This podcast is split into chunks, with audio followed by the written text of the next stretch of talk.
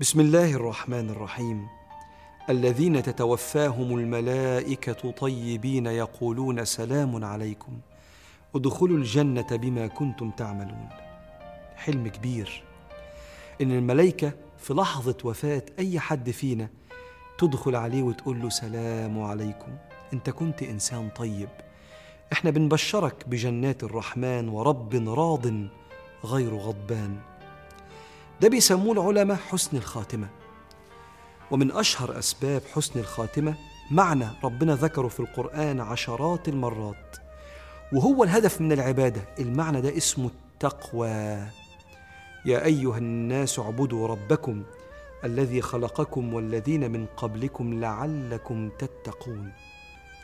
يعني إيه يتقي؟ يتقي يعني يحمي. يتقي الله يعني يحمي علاقته مع الله. كشأن أي شيء غالي في حياة الإنسان بيحرص على حمايته مش يهمله.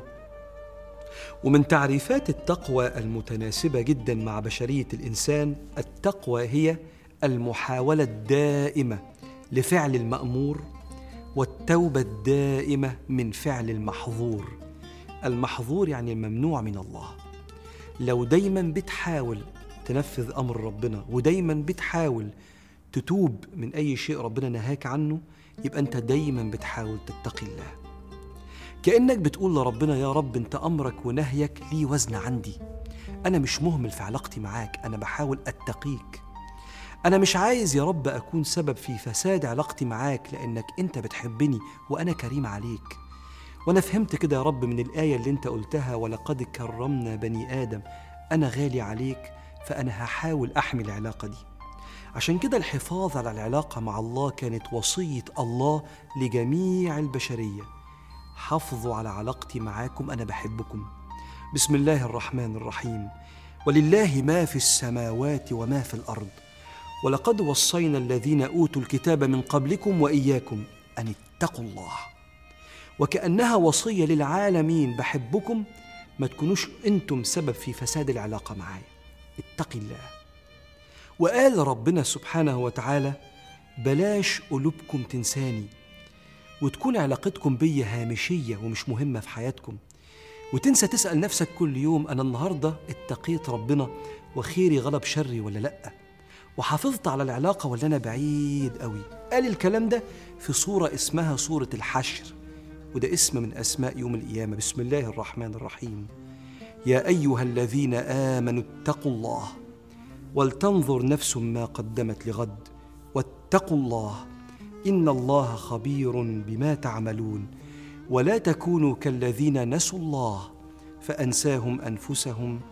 أولئك هم الفاسقون. طب إزاي أتقي الله فأكون من المتقين؟ فربنا يحسن لي الخاتمة. فتخش الملائكة عليا تقول لي سلام عليكم. سيدنا رسول الله صلى الله عليه وسلم وصانا. قال ما أمرتكم به من شيء فأتوا منه ما استطعتم وما نهيتكم عنه فانتهوا. وده معنى الآية فاتقوا الله ما استطعتم. وتقوى الله لا تأتي إلا بالصحبة. لازم تدور لنفسك على صحبة على جو على أجواء تساعدك تقرب من ربنا سبحانه وتعالى. وهتلاقي الصحبة الكويسة الطيبة في الأماكن المفيدة. ممكن تلاقيها في مسجد ممكن تلاقيها في المكان اللي بتلعب فيه رياضة. ممكن تلاقيها في الكورس اللي بتاخده عشان تطور من نفسك. ناس مهتمة بنفسها إنها تصلح من نفسها في أي جانب من جوانب الحياة. صدقني البحث عن الصحبة الطيبة الصالحة من أهم الأهداف اللي وصى بها ربنا ورسول الله وجميع المصلحين في الدنيا. وربنا سبحانه وتعالى وعدنا إن اللي هيعيش تقي في وسط الناس الطيبين ربنا سبحانه وتعالى هيسامحه وينجيه يوم القيامة. بسم الله الرحمن الرحيم. فوربك لنحشرنهم والشياطين ثم لنحضرنهم حول جهنم جثيا على الركب ثم لننزعن من كل شيعة أيهم أشد على الرحمن عتيا ثم لنحن أعلم بالذين هم أولى بها صليا. وإن منكم إلا واردها يعني يقف على شفير النار كان على ربك حتما مقضيا.